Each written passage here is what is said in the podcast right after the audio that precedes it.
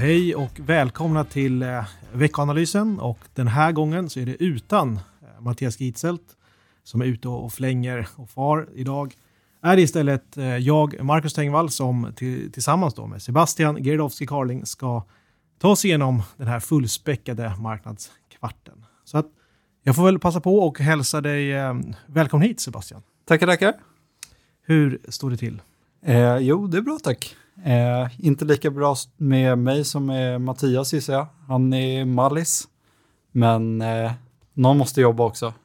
Så är det. Någon får hålla ihop det. Och just nu så har vi ju en ganska, det är ju en ganska stökig marknad. Det är mycket som händer, eh, både på geopolitiken men också på rapportfronten. Så att, vad är det som egentligen driver marknaden nu, skulle du säga? Eh, det är lite blandat. Eh, dels så är vi ju mitt uppe i rapportsäsongen som du nämnde. Och eh, där ser vi ju att vissa rapporter får ganska stora genomslag på marknaden. Eh, I vanlig ordning, ska sägas. Eh, men det är också fortfarande mycket fokus på centralbanker eh, och på ränteläget överlag. Men även en del fokus på eh, krig i Mellanöstern och huruvida det ska eskalera. Eh, att fler länder blir inblandade och så vidare. Ja, och vi hade ju lite utökade markoperationer i Gaza i helgen. Ja. Eh, och det är klart att de var ju väntade. Man har ju sagt att man ska göra det här. Kanske att det var lite mindre och lugnare än vad man hade tagit höjd för. Mm. När det kom till marknaden. Eh, och man, man lyssnar på vad Israel själva säger så säger de att det här kommer vara ett krig som kommer ta lång tid och eh, det kommer ju fortsätta. Så det här får vi ju fortsätta att bevaka och förhålla oss till. Och vi ser ju det inte minst i, eh, i marknaden, både med oljepris och eh, guldpris och annat som Ja. rör sig. Men det har vi pratat mycket om tidigare också. Så jag tycker att vi gör som så att vi tittar lite på de rapporter som kom här förra veckan. Nu har vi ju tagit oss igenom i alla fall mer än en, en halva rapportsäsongen, så man kan ju börja, börja dra eh, slutsatser på det. Eh, Yes. Och om vi tittar i USA då, då kommer ju de här stora, stora techjättarna och de är ju så viktiga för marknaden. Eh, är det någonting som du fångade upp där? Eh, ja, eh, det var ju fyra av de så kallade Magnificent Seven. Eh, fyra av de sju bolagen som har stått för ungefär två tredjedelar av börsuppgången i USA under året som rapporterade. Eh, det var Alphabet, Microsoft, Meta och Amazon. Eh, och samtliga bolagen slog eh, vinstestimaten. Men eh, Vissa fick ett glatt mottagande och vissa mottogs med lite försiktighet. Och först och främst så såg vi Microsoft och Alphabet rapportera. Och där presterade Microsoft något bättre än Alphabet. Eh, vi såg att Alphabets molntjänster inte presterade lika bra som man hade förväntat sig. Och det fick då eh, bolaget att tappa. Eh, och även andra molnrelaterade bolag föll på Alphabets rapport. Eh, Meta rapporterade sedan och eh, gjorde inte heller investerarna nöjda riktigt. Men sen så kom Amazon in där i slutet av veckan och levererade på just molntjänster eh, och visade att det mer kanske rörde sig om bolagsspecifika ja, problem ska man väl inte säga, för de presterar fortfarande väldigt bra. Men att det var bolagsmässiga skäl som gjorde att Alphabet var lite sämre än väntat, Och, snarare än marknadsövergripande. och det där var ju väldigt viktigt för marknaden. För att Absolut. Man börjar ju dra snabba slutsatser på de här först lite försiktiga signaler man fick. Mm. Och, och sen kommer Amazon in. Även om de likt alla andra slår vinstestimaten så var det här väldigt viktigt. Då. Ja, Och, och överlag kan man väl säga att det har ju varit en, en ganska blandad rapportsäsong, Mm. tycker jag. Vissa har gått bättre och vissa sämre, så är det alltid. Men mottagandet har ju varit ganska svagt och ganska svalt får man väl säga. Och, och tittar man lite på det där som vi har gjort så kan vi se att i USA på aggregerad nivå så har de bolag som faktiskt slagit vinstestimaten, de har under rapportdagen fallit med ungefär 0,7 procent. Det kan man tycka är lite konstigt när man kommer in med fina rapporter. Mm. Eh, Och sen hänger det såklart ihop med hur man i USA guidar ner inför rapporter. Oftast så slår man dem. Men vår tolkning av det här, det är väl ändå trots att eh, trots allt att det är ett osäkert läge. Eh, vi har geopolitik som du pratade om, vi har räntor på höga nivåer. Det finns ganska mycket att vara orolig för. Det är mm. ju en sentimentsdriven, känslostyrd marknad just nu. Så att ja. även om vi ser eh, fin data i, i, i rapporterna så, så räcker inte det helt enkelt. Nej, och det har vi ju sett exempel på även i Sverige, eh, framförallt från storbankerna, där flera av dem kom in och toklevererade, eh, slog vinstestimaten med råge och ändå föll med närmare 10 procent vissa av dem på rapporten. Ja, just banker där i Sverige är ju superintressant. Eh, SEB var ju ett sånt mm. typexempel som vi pratar mycket om på desken. Jag tycker att det där blir väldigt konstigt, för att visst, man guidar ner lite för, för att, att tillväxttakten i räntonettot, räntonettot är på toppen och att vi ska se lite kreditförluster framåt. Men det är ju ingen nyhet för någon. Det där Nej. vet marknaden. Så att, jag håller helt med dig. Ett svalt mottagande. Och, och tittar man dessutom på, jag, jag, jag, tog ut då både de, de bolag som både har, har missat omsättning och vinstestimat. Ja. Ja, då har det varit ganska eh, mörkt faktiskt. Och då har ju, jag tror att de i snitt har tappat 5,5 procent mot S&P. Så att ja. i relativa termer så straffas de ganska hårt. Men om vi säger så här då. Det, det var förra veckan. Det var viktiga rapporter. Eh, det var lite blandade signaler åt det positiva hållet. Tittar man på vår sektorallokering så kan vi dela upp de här teknikbolagen i, både IT och kommunikation. Ja. Eh, och, och sällanköpsvaror. Absolut, absolut. Och vi har ju en övervikt mot IT-sektorn. Ja. Eh, det har vi haft ett tag. Vi hade det även mot kommunikationstjänster som vi sänkte ganska nyligen här. Och mm. Ska man dra någon slutsats från rapporterna så har ju ändå IT-rapporterna varit lite bättre. Mm. Så att, utifrån det perspektivet så, så, är jag ganska nöjd med den sektorallokeringen som vi ändå har. Absolut. Um, Alphabet och Meta som jag nämnde, de tillhör ju båda kommunikationstjänster och båda föll på rapporten, medan Microsoft som är ett it-bolag steg. På tal om it-rapporter, stora bolag, så har vi ju eh, något som händer här i veckan. Yes. Apple rapporterar nu på torsdag. Eh, och det är ju högintressant. Det är eh, just nu eh, högst värderade bolaget i världen eh, sett till marknadsvärde. Eh, och ja, det är IT-jätten som tuffar på. Eh, och hör då till de här Magnificent Seven de också. Mm. Eh, och utöver det så har vi på torsdag även eh, det danska läkemedelsbolaget Novo Nordisk som verkligen har rusat under året, eh, som rapporterar även dem. Och även hälsovårdssektorn har vi ju ett ljusgrönt betyg på. Mm.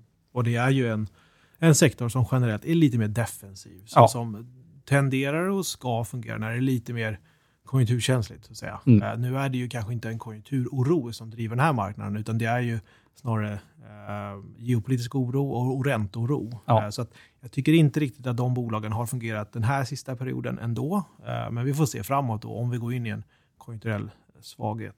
Mm. Men jag tycker om man tittar på den här veckan som kommer så är det väldigt mycket som händer. Det är stora saker som händer. Det är då Apple som rapporterar. Eh, men sen har vi också eh, inflation från eurozonen. Vi har arbetsmarknadsstatistik i USA, eh, både onsdag och fredag, som är superviktig för räntemarknaden och, och Fed framåt. Men vi har ju också ett Fed-besked, eller hur? Ja, det stämmer. Eh, det kommer på onsdag eh, och marknaden är i princip helt enig om att det inte kommer någon räntehöjning nu på nu på onsdag. Eh, utan det som eh, frågan gäller, det är om det kommer någon mer räntesänk eller räntehöjning under hela cykeln. Eller om eh, den amerikanska centralbanken är klar med räntehöjningarna. Då är ju frågan direkt, eh, är vi klara? Oh, det är svårt att säga. Eh, vi har fått in väldigt, väldigt stark data från USA nu på sistone. Eh, så jag skulle väl se det som att sannolikheten för en till höjning eh, kanske har höjts lite. Mm. Eh, för vi såg ju exempelvis en BNP-tillväxt som kom in på 4,9 procent i årstakt, vilket är väldigt, väldigt högt. Eh, så det.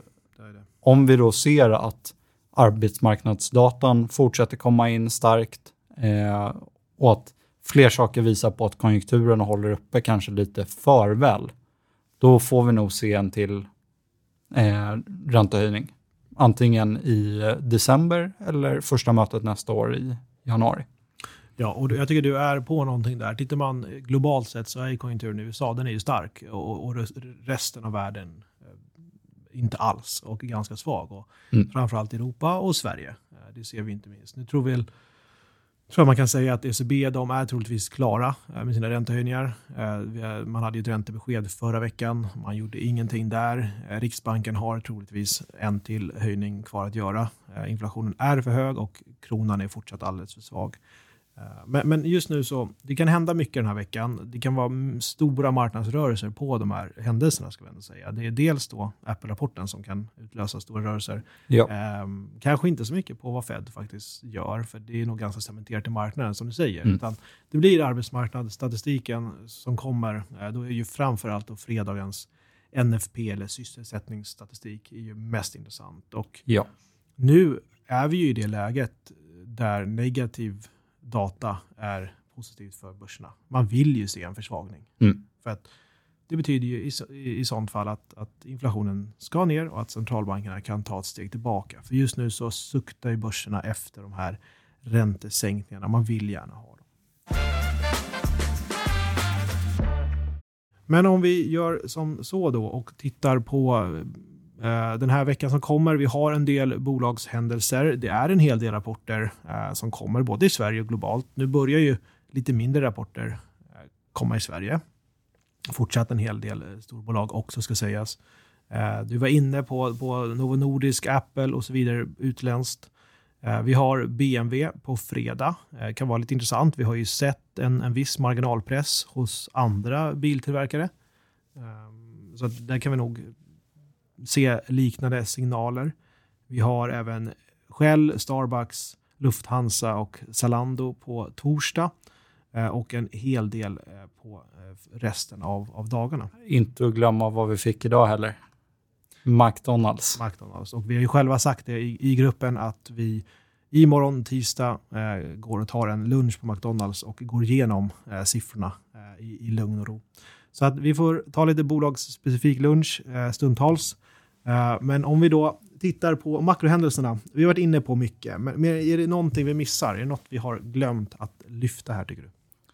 Eh, nej men det är väl i stora drag det vi har lyft fram som är det som sticker ut.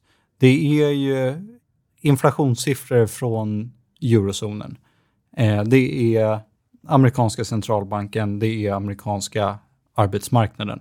De sakerna kommer ju dominera. Eh, sen så kan det alltid komma oförutsedd data. Eh, och jag skulle väl säga att hur, eh, ja, hur Israels eh, svar på den här terrorattacken från Hamas eh, utvecklar sig, det kommer ju påverka marknaden det också. Mm. men det vet vi ju inte om det är något som sker i veckan eller om det är något som sker om tre veckor, utan där är det mycket svårare att, att pricka in när det kommer ske saker. Mm. Och det ligger ju lite som en våt filt över marknaden. Eh, och nu gäller det ju bara att bevaka eh, hur de andra nationerna agerar. Eh, och, ja. det vi och omvärlden och marknaden inte vill se det är ju att fler nationer dras in i det här. Eh, för då kan det nog stöka till på bra många håll. Eh, inte bara humanitärt utan även sanktionsmässigt och oljepris och annat kan, kan dra iväg. Och jag tycker att om man tittar i, i utvecklingen, om vi börjar titta lite räntor, valutor och råvaror, så ja, oljepris har ju kommit upp en del. Eh, guldpriset eh, visar också att marknaden är lite orolig för att fler nationer ska in. Eh, men det har ändå lugnat ner sig lite grann tycker jag. Ja. Um, så att, och sen så, nu har det varit jättemycket fokus på räntemarknaden. Eh, marknadsräntor har ju dragit iväg rejält de senaste veckorna. Nu förra veckan så lugnade det sig lite. Vi var uppe, om man tittar på en amerikansk tioårig statsobligationsränta, var uppe någonstans runt 5% touchade där. Eh, och sen har det kommit ner lite grann. Men nu ligger den där och eh, eh, harvar runt. Eh, och, och, och, någonstans så, det kan vi nog hantera mm. från marknadens perspektiv och från börsens håll. Men det där ska ju inte dra vidare uppåt, för då kommer det eh, bli oroligt. Ja. Tittar vi på börserna då, ehm, är det någonting du tycker sticker ut från föregående vecka eller året? Eh, under förra veckan så var det ju två sektorer som stack ut negativt. Eh, den ena var energisektorn eh, och det var efter att oljepriset föll tillbaka lite.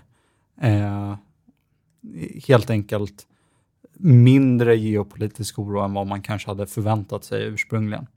Eh, och sen så var det också kommunikationstjänster eh, där Alphabet och Meta, eh, även fast de överträffade de förväntningarna som var ställda, eh, ändå i, någonstans inte riktigt levde upp till dem. Eh, svårt att få ihop det ibland, men... Ja, och det är ju efter den här eh, fina kursutvecklingen som många bolag har haft i den sektorn mm. och på Nasdaq så är det ju högt ställda förväntningar. Och tittar man Nasdaq year to date, alltså under hela året hittills, så är det upp 30% i eh, svenska kronor mätt. Så mm. det är stora rörelser. Men du, jag ser att vår tid har dragit iväg, eh, så att jag tror att vi eh, vi ska väl någonstans runda av. Jag har en sista fråga till dig. Eh, nu kommer vi ifrån en säsongsmässigt ganska tuff period. Det ska vi ju ändå komma ihåg. Visst, det har varit mycket som hänt den senaste tiden, vilket har pressat kurserna, men det har ju också eh, historiskt varit så under eh, den här typen, den här delen av året. Så min enkla, korta fråga, det är egentligen om vi har ett tomterally framför oss. Eh, jag tänker sticka ut haken och säga ja på den frågan. Jag vågar hoppas på det i alla fall. Vi ser att framförallt på Stockholmsbörsen så är det väldigt låga värderingar och väldigt hög vinsttillväxt. Jag vågar hoppas att marknadssentimentet någon dag vänder eh, till det positiva och att tomten kommer med lite god börsavkastning lagom till jul. Jag hoppas att du har rätt. Då får vi någonstans tacka för idag och så hörs vi igen nästa vecka. Tack så mycket. Tack.